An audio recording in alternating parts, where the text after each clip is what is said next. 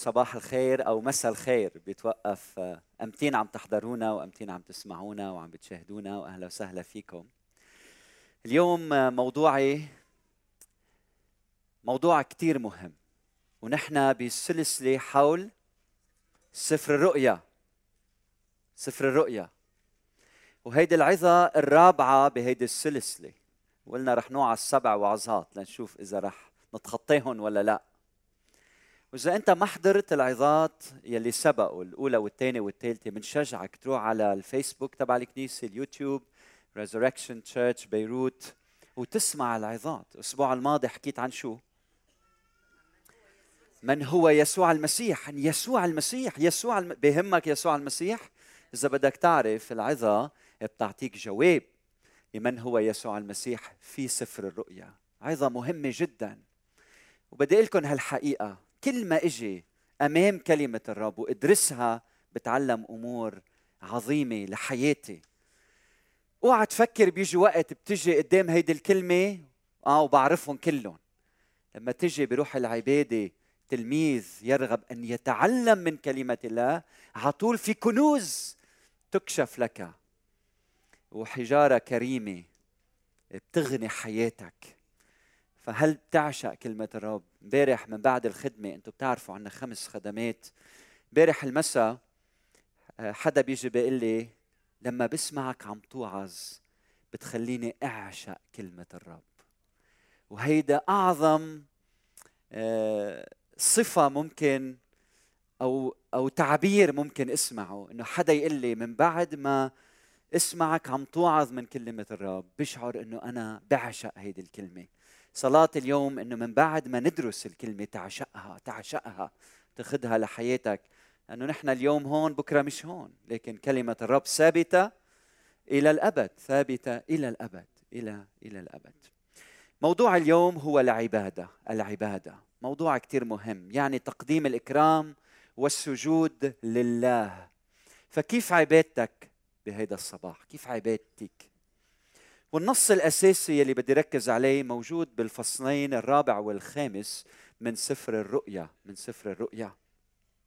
وهالفصلين بيبدأوا بأنه يوحنا يقول أنا يوحنا نظرت وإذا باب مفتوح انكشفت السماء قدام يوحنا.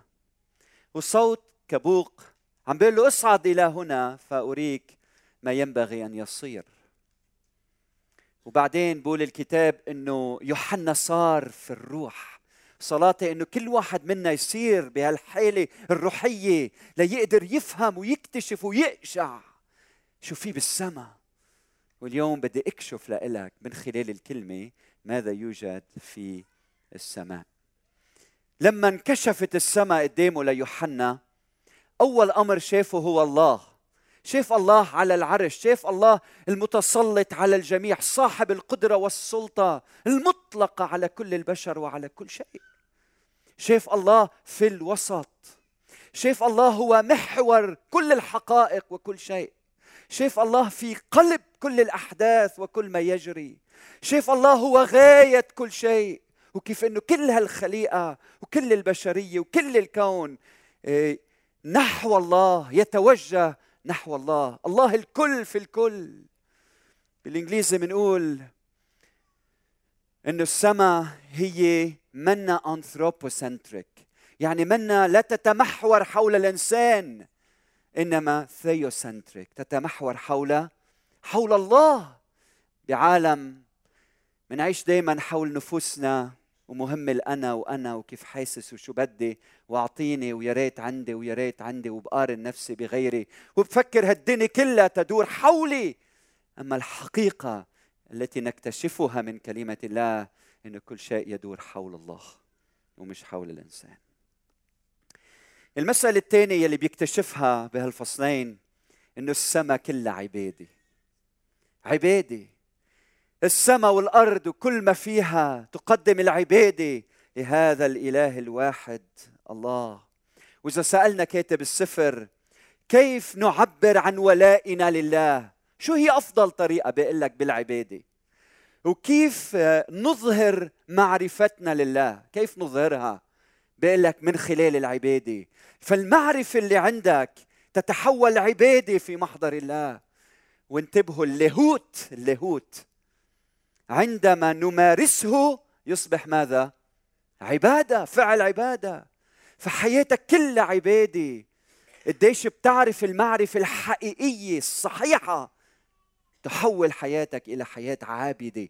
فبدي أسألك كيف عبادتك اليوم؟ إذا بدك تفحص حياتك الروحية وأي علامة بتاخد؟ أول شيء فحاص مدى عبادتك للرب. إذا بدك تقيس نموك الروحي افحص قديش في عمق في عبادتك وسجودك. العبادة هي الميزان هي المقياس لكل شيء بالحياة. إذا بدك السلام والفرح والسعادة الحقيقية اسأل نفسك هل أنت عابد هل أنت عابدة؟ لما منجي إلى الفصل السابع حتى الفصل 19 بسفر الرؤيا منشوف كيف إنه خطة الله ومشيئة الله وأن الله هو أيضا المسيطر والمتسلط على كل شيء على هيدي الأرض. هو صاحب السلطان المطلق حتى بهيدي الأرض يلي نحن عم نعيش عليها. وكيف هو يعاقب الأشرار ويبارك الصديقين. وكيف هو بمحبته افتدى الخليقة. وكيف هو كمان عادل لكي يدين الأشرار. فمنشوف إنه هو صاحب السلطة المطلقة مش بس بالسماء كمان وين؟ هنا على هذه الأرض. لكن على هذه الأرض في مقاومة. في مقاومة من القوى الشيطانية يلي عم بتحارب امتداد ملكوت الله وعم بتعانده. في ظلم بهذا العالم والله يريد أن يبسط ملكوته. هيدي القوى عم تدعي إنه هي عندها سلطة مطلقة. وتدعي الألوهة وتطلب من الناس أن يعبدوها أن يتبعوها. وإذا تأملنا وسألنا طيب شو الرسالة هنا؟ الرسالة إنه في وعد إنه يلي رح تشوفوه هلأ بالفصل الرابع والخامس من سفر الرؤيا وشو في بالسماء هيدا الشيء في وعد إنه رح يتحقق على هذه الأرض على هذه الأرض. طيب شو هي هيدي القوى الشيطانية اللي بيحكي عنها على الأرض؟ لازم تعرفوا السياق وبعد شوي منفوت لندرس النص. هيدي القوى الشيطانية السياق هو الإمبراطورية الرومانية آنذاك. والإمبراطورية الرومانية مثل كل الإمبراطوريات في القديم والقوى السياسية تظهر قوتها تظهر قوتها وتروج لاسمها من خلال تعابير دينية. أوعى تفكروا الإمبراطورية الرومانية كانت دولة مدنية كانت إمبراطورية دينية دينية. تطلب من أتباعها أن يسجدوا لقيصرها ويقدموا الذبائح ويعبدوا آلهتها. فكانت مؤسسة دينية صرف بكل ما للكلمة من معنى. وإنت المواطن يلي عايش تحت الإمبراطورية الرومانية كيف تظهر ولائك لهذه الإمبراطورية؟ كيف أنت بتخضع لهذه الإمبراطورية من خلال فعل العبادة؟ لما بتقدم البخور لقيصر ولما بتقدم وبتعبد وبتقدم الذبائح لهذه الآلهة. فالعلامة إنك أنت خاضع لهذه الإمبراطورية العلامة هي فعل العبادة أيضا. فعلى الأرض هيدي في ناس عم تعبد لكن ما عم تعبد الإله الواحد يلي رح نتأمل فيه هنا. هيدي الامبراطورية الرومانية لازم تعرفوا كان عندها رمزين. الرمز الأول هو الوحش الصاعد من البحر. وهذا الوحش بيرمز انتبهوا للقوى السياسية والعسكرية في الإمبراطورية الرومانية. يلي كانت تطبش بالناس يلي كانت آه، تقتل وتدبح وتفعل الشر. هيدي القوة السياسية اللي كانت تسخر الناس من سخرك ميلا يسوع عم بيقول بسياق الإمبراطورية الرومانية مشي معه ميلين فكانت هالقوى السياسية تسخر الناس وتظلم الناس. هيدا هو الوحش الصاعد من البحر. وبعدين الرمز الثاني هو المرأة الزانية. يلي بتمثل بابل أي روما في سياق سفر الرؤيا. روما الزانية وغناها. يلي حصلت على هيدا الغنى من خلال استعباد الناس. أكثر من 40% ربما من شعب الإمبراطورية الرومانية كانوا عبيد عبيد. تسخير الناس استعباد الناس ظلم الناس من أجل غنى روما. هيدي هي المرأة الزانية الزانية. طيب شو العلامة؟ العلامة إني أنا خاضع لها النظام الفاسد هذا العلامة هي العبادة لهذا النظام. وهيك كانوا يعبروا عن انتمائهم السياسي وانتمائهم لهذه الدولة أو الإمبراطورية آه، الرومانية. لكن الكنيسة الكنيسة كان عندها موقف مختلف تماما. الكنيسة واجهت الإمبراطورية الرومانية. الكنيسة وقفت بوجه الشر والظلم وقالت لن نسجد إلا للإله الواحد. الذي له كل المجد إلى الأبد. ولأنه هالكنيسة وقفت بوجه الإمبراطورية اضطهدت. أوعى تفكروا أوعى تفكروا إنه الإمبراطورية الرومانية اضطهدت الكنيسة فقامت الكنيسة وقفت بوجه الإمبراطورية الرومانية. العكس تماما لأنه الكنيسة هي اللي بادرت. وما قبلت تخضع للإمبراطور وما خضعت إلا للرب يسوع المسيح لإلهها ومخلصها ورفضت الفساد الموجود في العالم يلي كانت عايشة فيه لأنه هي بادرت وهي دخلت بهالمعركة هيدي هاجت الإمبراطورية الرومانية على الكنيسة. أنا أبني كنيستي. بقول الرب يسوع المسيح شو يعني أنا أبني كنيستي؟ مين اللي هاجم هنا؟ الكنيسة. أنا أبني كنيستي. وأبواب الجحيم لن تقوى عليها. أنا رح أبني كنيستي بهالإمبراطورية الفاسدة. والإمبراطورية الفاسدة لن تقوى عليها اللي عم يعمل الهجوم الكنيسة هي اللي بادرت ورفضت بضميرها الصالح إنها تسجد لشر هذه الإمبراطورية وكانت النتيجة آه الاضطهاد. الكنيسة الأولى ما سكرت بخمر زنا روما. هل نحن اليوم عايشين بهالمجتمعات؟ هل منسكر بالخطية الموجودة من حولنا؟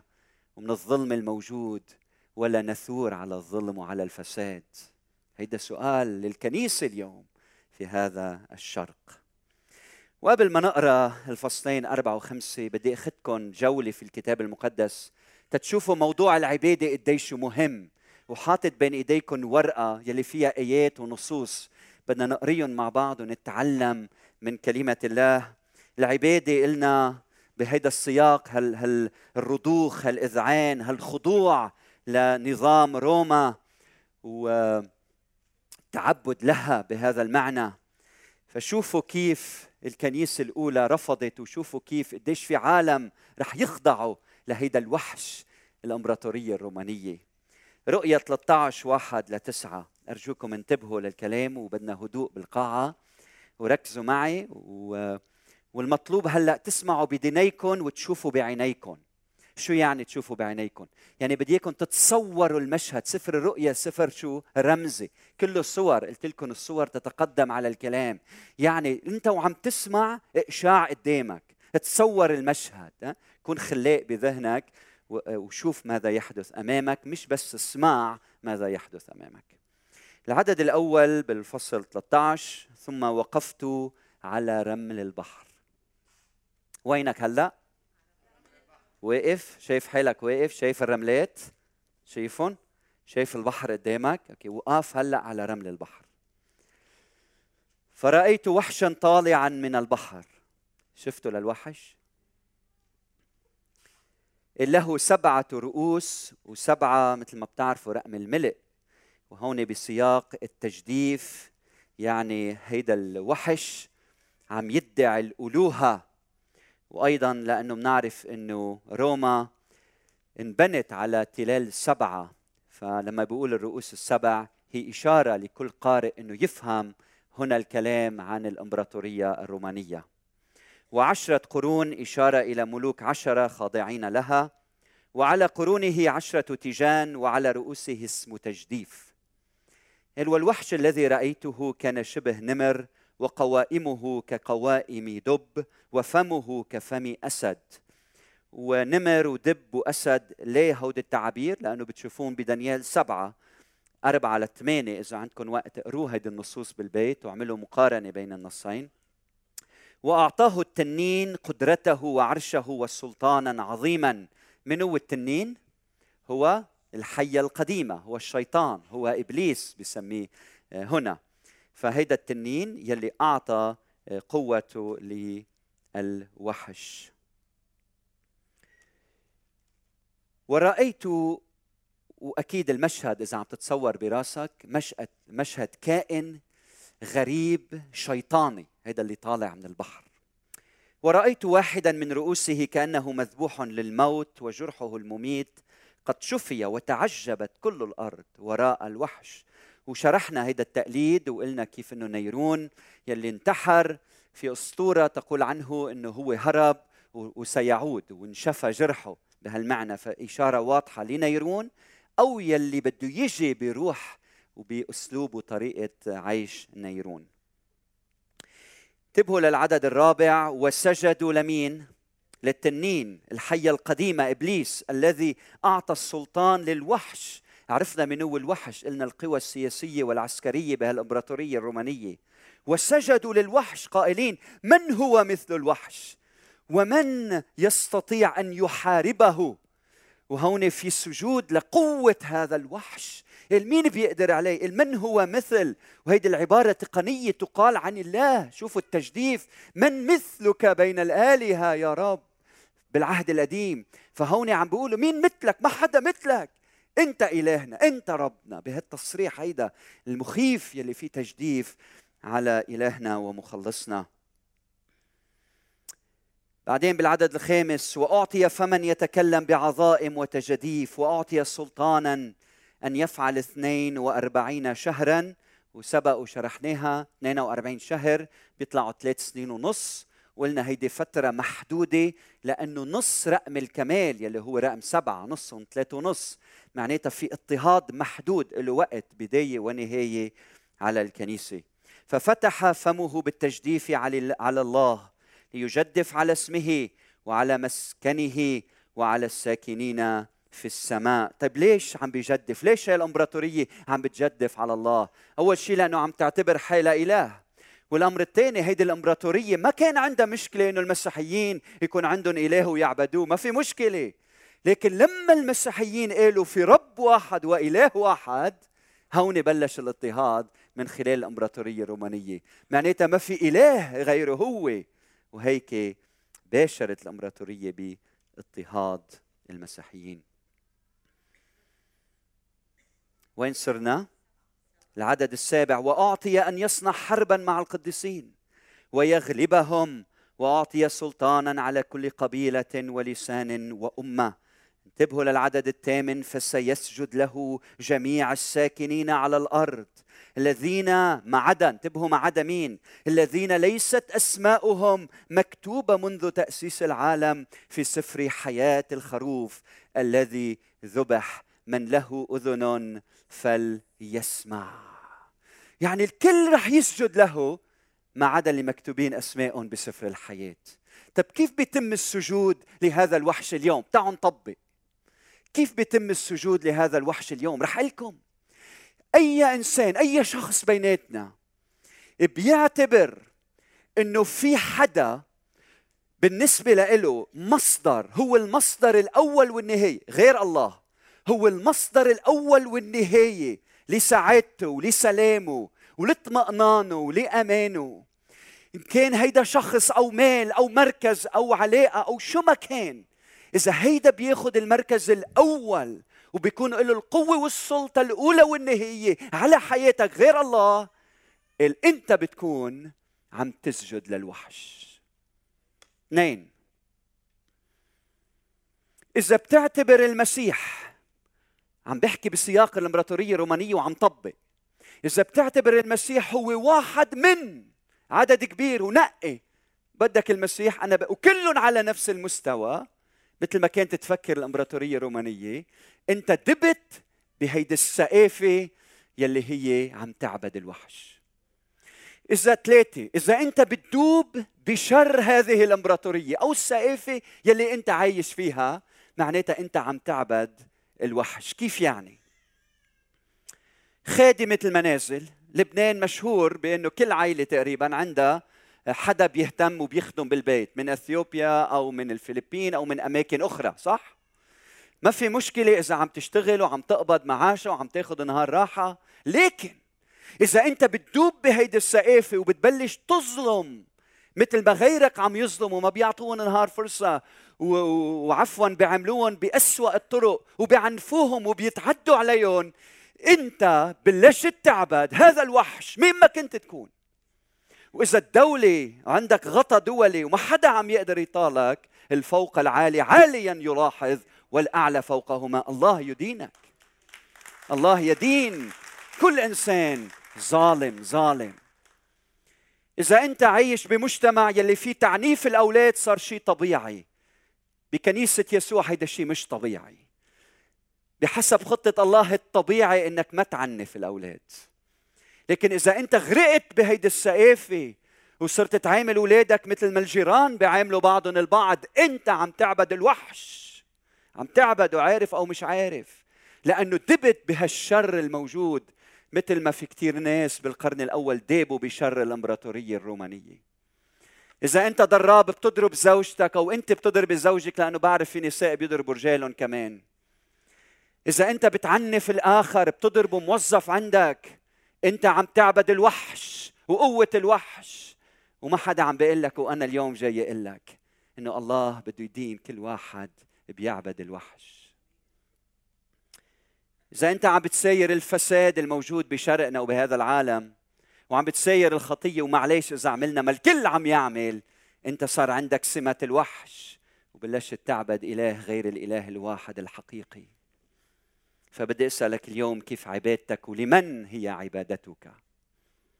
وهلا بنجي للرؤيا 14 6 ل 12 لاحظوا معي ثم رأيت ملاكا آخر الفصل 13 عم يحكي عن هودي يلي بيعبدوا الوحش. هلا شوفوا شو عنا بالفصل 14 ثم رأيت ملاكا آخر طائرا في وسط السماء معه بشارة أبدية ليبشر الساكنين على الأرض وكل أمة وقبيلة ولسان وشعب.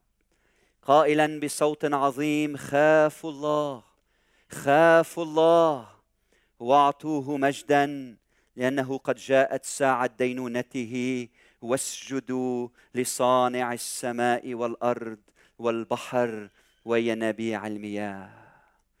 انتبهوا وعوا على حياتكم. ما تعيش بالسكر استيقظ من نومك. خاف الله اعبده عباد خالق السماء والأرض هو وحده اللي لازم تقدم له السجود والعبادة. ثم تبعه ملاك آخر قائلا سقطت سقطت بابل المدينة العظيمة. العظيمة فيها سخرية لأنه سقطت. بالنسبة لهم بابل آه، الإمبراطورية الرومانية إمبراطورية أبدية أزلية. هلأ شو عم بقول الملاك بالرؤيا؟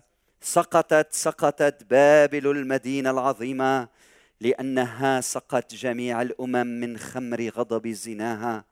ثم تبعهما ملاك ثالث قائل بصوت عظيم إن كان أحد يسجد للوحش ولصورته ويقبل سمته على جبهته أو على يده.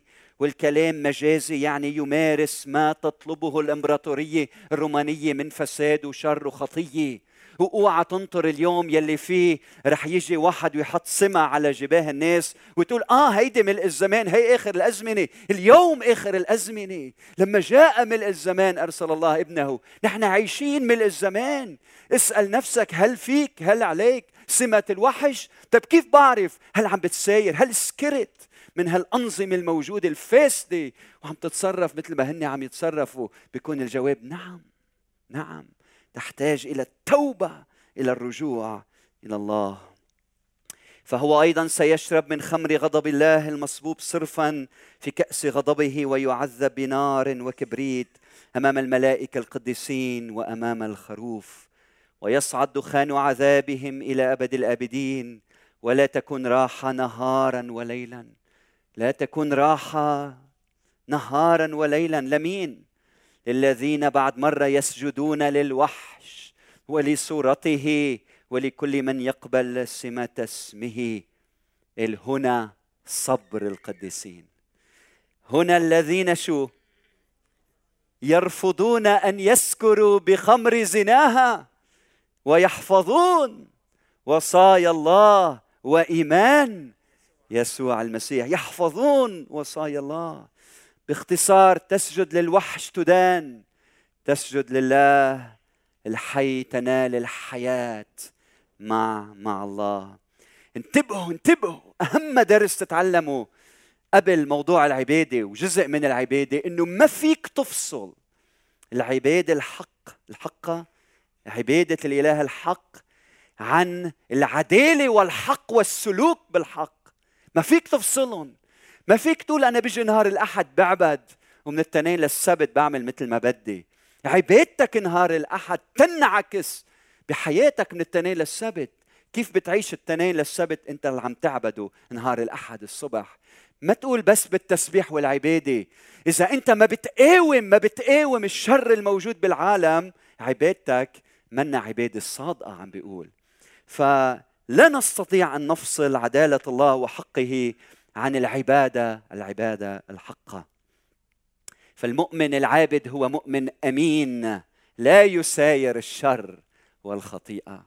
واليوم بدي أدعيك إذا خفت قدام هالكلام تجي وتحتمي بالرب يسوع المسيح مخلص العالم. يلي الأنبياء وجميع الأنبياء له يشهد جميع الأنبياء أن كل من يؤمن به ينال باسمه غفران الخطايا. فبتختبر غفران خطاياك وبتطهر وبتلبس هالزي الأبيض وبتختبر خلاص يسوع المسيح وفدائه لحياتك.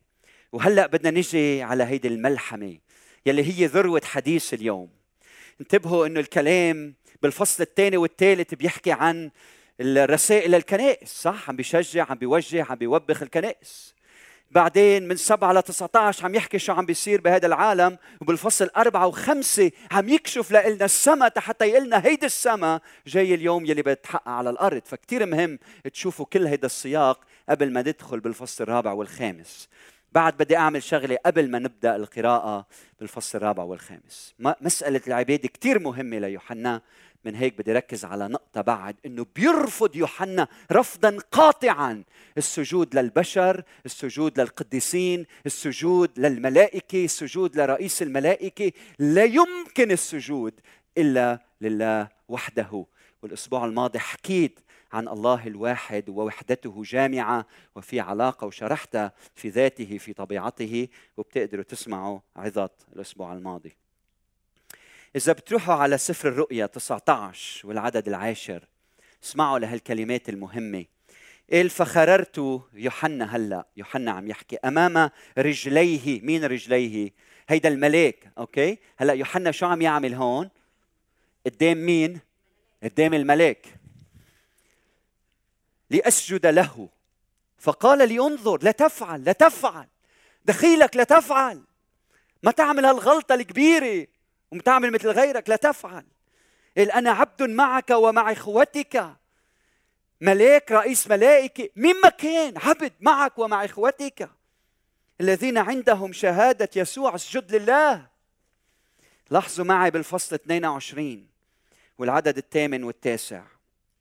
وأنا يوحنا الذي كان ينظر ويسمع رؤية 22 العدد الثامن. وحين سمعت ونظرت مرة ثانية شوفوا يوحنا قديش متأثر مرة تانية قال خررت لأسجد أمام رجلي الملاك الذي كان يريني هذا. فقال لي انظر لا تفعل لا تفعل. بعد قايل لك لا تفعل. شو بنا شو بنا بطبيعتنا ميل نحو القوة ونحو العجائب وبنخضع هنا وهنا؟ شو بنا لا تفعل لا تفعل.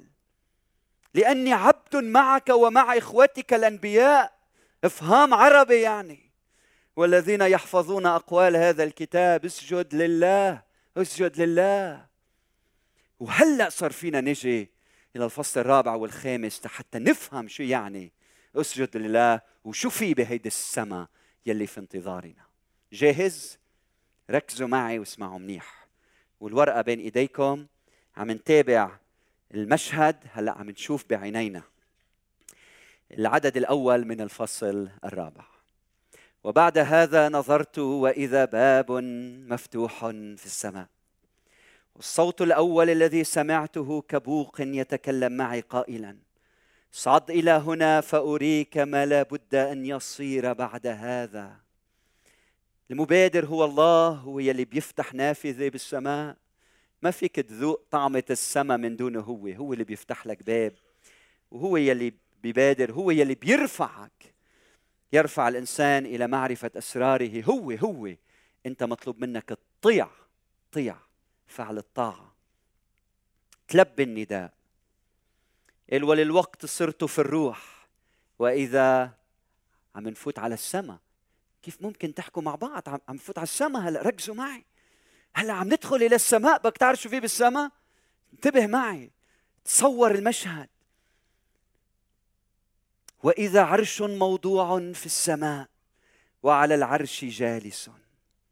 وكان الجالس في المنظر شبه حجر اليشب والعقيق أي الياقوت الأحمر وهي حجارة كريمة. وقوس قزح حول العرش في المنظر شبه الزمرد تعبير مجازي لهالة مجد حول عرش الله الملك والديان. العدد الرابع وحول العرش أربعة وعشرون عرشا. ورأيت عم تتصور المشهد حول العرش من كل النواحي هلا نحن بالسبيس هون 4 دي و 5 دي و 6 دي و 7 دي واللي بدكم إياه. وحول العرش أربعة وعشرون عرشا؟ ورأيت على العروش أربعة وعشرين شيخا جالسين متسربلين بثياب بيض وعلى رؤوسهم أكاليل من ذهب. لازم نوقف هون ونقول من هن هال 24 شيخ؟ وراح أعلمكم مبدأ في علم التفسير كيف من خلال المقارنة بين النصوص فيك تكتشف معنى نص غامض مثلا. طيب من هن ال 24 شيخ؟ بقول كان عندهم ثياب بيض. هل شفنا ثياب بيض بمكان آخر؟ قبل؟ إيه بالفصل الثالث والعدد الخامس من أسبوعين. من يغلب فذلك سيلبس ثيابا بيضة عمين عم يحكي عن المؤمنين المفديين. فعم يعطيهم نفس الصفة لحتى تعرفوا هودي الشيوخ 24 لهم علاقة بالمؤمنين بالمخلصين. طيب وماذا عن مثلا التيجان الأكاليل؟ هل شفنا أكاليل بأماكن أخرى في سفر الرؤيا نعم. برؤية 2 عشرة كن أمينا إلى الموت. فسأعطيك شو؟ إكليل إكليل الحياة. فهون كمان بنشوف أكاليل. فالظاهر عم يحكي عن مؤمنين أتباع للرب يسوع المسيح مسيحيين أو بيعرفوا المسيح عايشين بأمانة للرب انتصروا ثياب بيض. طيب وماذا عن الشيوخ؟ ليش اسمهم شيوخ؟ نعرف إنه الشيوخ بيمثلوا مين؟ الجماعة صح؟ الشيخ بيمثل جماعته. لكن هودي 24 شيخ عم بيمثلوا هل هل شعب الله شعب الله. طيب شو بنعرف أكثر ليش 24 مش 30 مثلا أو 17 ليه 24 روحوا معي على رؤيا 21 العدد 12 رؤيا 21 12 وكان لها الكلام عن أورشليم السماوية النازله من فوق. سور عظيم وعالي وكان لها اثنا عشر بابا وعلى الأبواب اثنا عشر ملاكا. وأسماء انتبهوا مكتوبة هي أسماء اسباط بني إسرائيل الاثني عشر. وبكمل بالعدد 14 وبقول وسور المدينة كان لها اثنا عشر أساسا وعليها أسماء رسل الخروف الاثني عشر. 12 سبط و12 رسول. 12 زائد 12 24 فالظاهر ربما فينا نرجح بسبب دراستنا للنصوص هيدي إنه ال 24 شيخ هن هال 24 ملاك أو ال 24 كائن يلي هن بيمثلوا الكنيسة الكونية العهد القديم والعهد الجديد. فهودي كلهم كلهم هودي الكنيسة الكونية آه، ممثلين بهال 24 شيخ. والعدد الخامس من رؤيا أربعة بيقول ومن العرش يخرج بروق ورعود وأصوات. شوف الرعود والبروق اسمع الأصوات. وهيدي عبارة بتتكرر في أماكن أخرى تشير إلى الله. هو مصدر الدينونات الموجودة في السفر. وأما العرش وأمام العرش سبعة مصابيح نار متقدة. هي سبعة أرواح الله. الكلام عن الروح القدس الذي يضيء ويعلن خطة الله وسيادته وسيادته وخلاصه ودينونته في العالم. العدد السادس وقدام العرش بحر زجاج شبه البلور يعني نقي هادئ والبعض يرى إشارة إلى انتصار الله على القوى الشيطانية لأنه بالعالم القديم القوى الشيطانية كانت تجول فوق البحار وتهيج البحار. فهون منشوف هيدا البحر الزجاج شبه بلور نقي هادئ إعلان انتصار الله وسيادته. وفي وسط العرش وحول العرش أربعة حيوانات مملوءة عيونا من قدام ومن وراء. شايف هالأربع حيوانات قدامك؟ عندهم عيون من قدام ومن وراء. والحيوان الأول شبه أسد والحيوان الثاني شبه عجل والحيوان الثالث له وجه مثل وجه إنسان والحيوان الرابع شبه نسر طائر. وأكيد أكيد أكيد ليس المقصود بهالحيوانات الأربعة البشائر الأربعة ما تواخذوني أو الأناجيل الأربعة مثل ما بيظن البعض. أكيد لأنه السياق ابدا ما بيحكي عن هالأمور. الكلام هون مجاز عم ياخده من العهد القديم عم يجمع ما بين الشروبيم في حسقيال والكروبيم في أشعياء. هود الملائكة المقربين من الله. فهالأربع حيوانات أفضل شيء نترجمهم الكائنات الحية الأربعة. كائنات حية وهالكائنات الحية هن عم بيمثلوا هيدي الخليقة كلها. لهم عيون لأنه لا شيء يخفى عنهم في كل مكان. طيب شو عم يعملوا هالكائنات الأربعة الحية؟ شو عم يعملوا؟ بتعرفوا؟ واقفين هون عم بيقودوا التسبيح. هودي قادة التسبيح. طلعوا معي بالعدد التاسع. وحينما تعطي الحيوانات مجدا لما هن ببلشوا الكائنات الحية لما تعطي مجدا وكرامة وشكرا للجالس على العرش الحي إلى أبد الأبدين شو بيصير يخر الأربعة والعشرون شيخا الكنيسة الكونية قدام الجالس على العرش ويسجدون للحي إلى أبد الآبدين ويطرحون أكليلهم أمام العرش ليش بيطرحوا أكليلهم؟ اعتراف اعتراف منهم إنه سلطتهم مأخوذة من مين؟ من سلطة هو وبركاتهم هن من منه وقديش بصلي إنه الرب يزيد أكاليلنا حتى يصيروا أكاليل كثيرة عند قدميه في السماء حتى يكتروا هالأكاليل عند إجريه عندما نلتقي به. الرب يكلل ويكتر أكاليلكم حتى تطرحوها قدام السيد ملك الملوك ورب الأرباب. نتابع بالعدد 11 قائلين أنت مستحق. أيها الرب أن تأخذ المجد والكرامة والقدرة لأنك أنت خلقت كل الأشياء وهي بإرادتك كائنة وخلقت. وإذا بتتأملوا بهالفصل الرابع بتقولوا حتى شعوب أخرى يلي بيامنوا بالإله الواحد بيقدروا يقروا هيدا الفصل ويقولوا هيدا الكلام عنا. اليهود يلي كانوا عايشين في القرن الأول هالمصطلحات هالتعابير بيقدروا هن يصلوها. لكن شوفوا ماذا يحدث بالفصل الخامس. هلأ عم نوصل إلى ذروة العبادة. العدد الأول من الفصل الخامس ورأيت على يمين الجالس على العرش سفرا مكتوبا من داخل ومن وراء مختوما بسبعة ختوم. رح يجي وقت إن شاء الله وبنحكي عن هالسفر. ورأيت ملاكا قويا ينادي بصوت عظيم من هو مستحق أن يفتح السفر ويفك ختومه؟ فلم يستطع أحد في السماء ولا ملاك ولا رئيس ملائكة ولا على الأرض ولا تحت الأرض ولا حدا في كل هذا الكون أن يفتح السفر ولا أن ينظر إليه. فصرت أنا أبكي كثيرا لأنه لم يوجد أحد مستحقا أن يفتح السفر ويقرأه ولا أن ينظر إليه.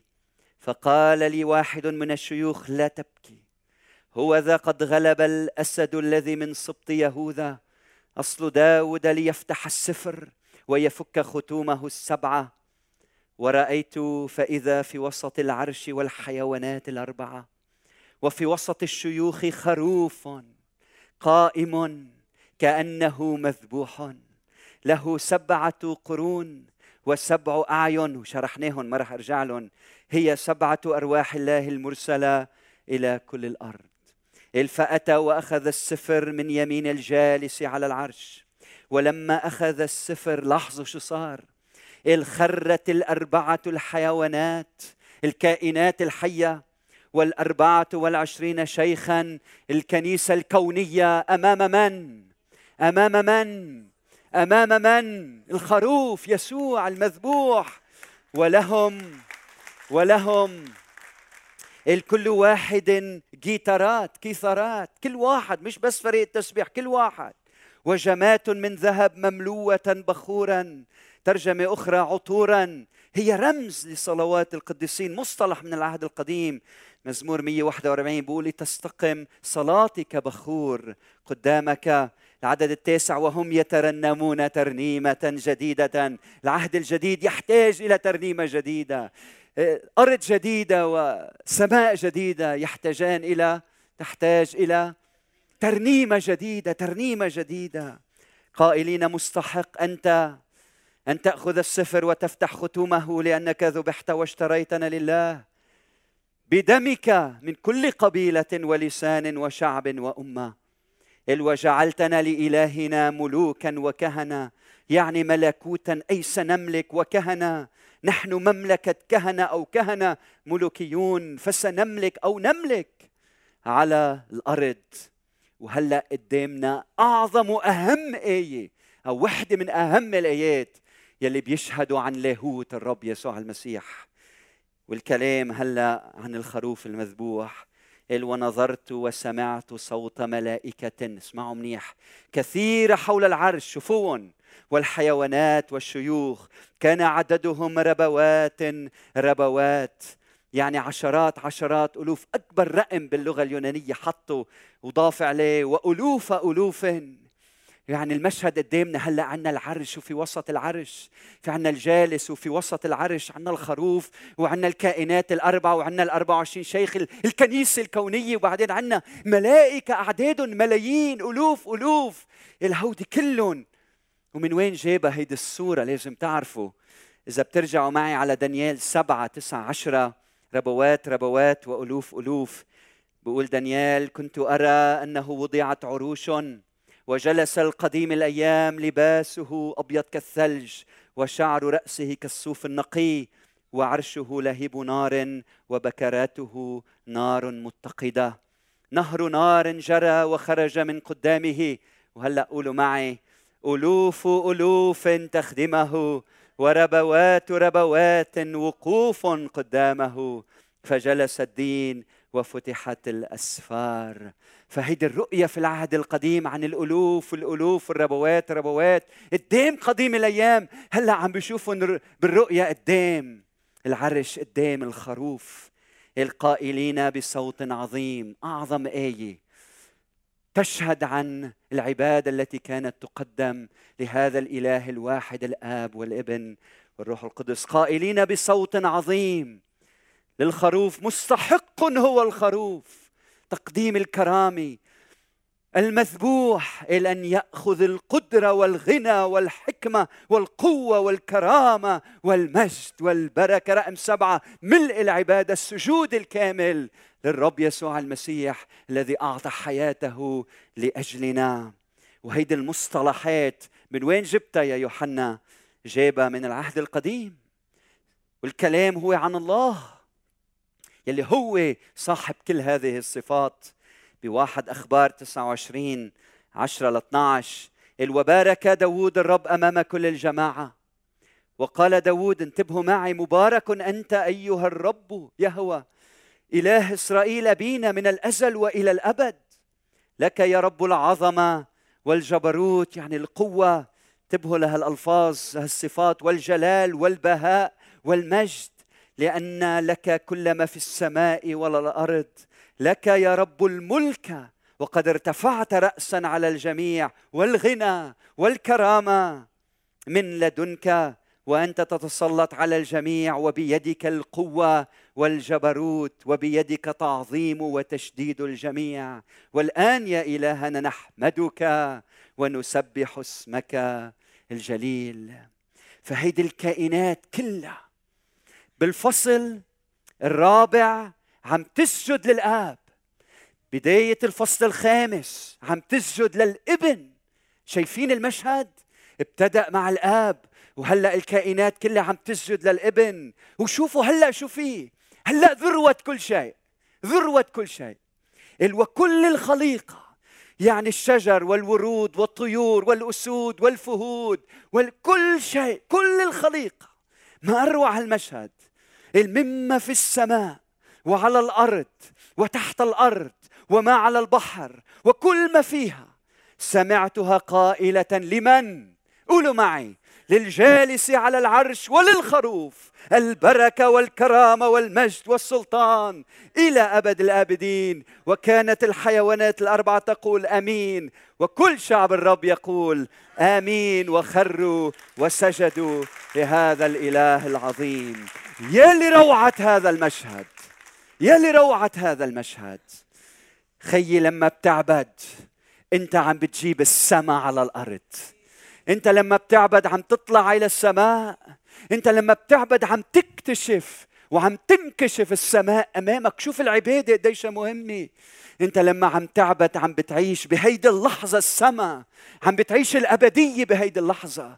لما بتركع لتعبد قدام هذا الإله الواحد الأحد الوحدته جامعة في شخص الآب والابن والروح القدس أنت عم بتقدم هالسجود والعباده لهذا الإله الحي عم تختبر السماء عم تختبر الحياة الأبدية مع الله. ما أعظم العبادة ما أروع فعل العبادة. انتبه إنه هالكائنات بقول لا تزال تعبد. معناتها مخلوقة مصنوعة مكونة بطريقة للعبادة. وأنت مصنوع لكي تعبد الله. من هيك لما بنسقط بنبلش نعبد المال بنبلش نعبد الجاه ولما بنبلش نعبد المراكز ونبلش نعبد أشخاص وأماكن. لكن المطلوب إنه نرجع ونتوب اليوم لعند هالإله الحي الواحد ونقدم عبادتنا وسجودنا أمام الإله الواحد والخروف الذي ذبح. وما أروع عبارة الخروف بتعرفوا ليه؟ لأنه فيها إشارة إلى إله يتألم. إشارة إلى إله مش عايش بس بالسماء وما فرقانه معه حدا. هو إله تجسد يتألم معنا يشعر معنا اخترق هذا العالم معنا. شاف شو يعني التجربة؟ جرب من الشيطان وانتصر جرب من البشر وانتصر. وهو قادر يشفع فيك قادر يحس معك قادر يكون بقربك. بدك إله بعيد. ظالم ما بتعرف شيء عنه ولا إله قريب أب بتجسد وعايش بيناتنا. الله قادر على كل شيء. انت ما بتقدر تصير نملة لكن رب الخليقة بيعمل مثل ما بده وتجسد بشخص الرب يسوع المسيح لكي يعطيك حياة أبدية ويعطيك حياة أفضل هل تأتي إليه بعبادة وسجود أمامه.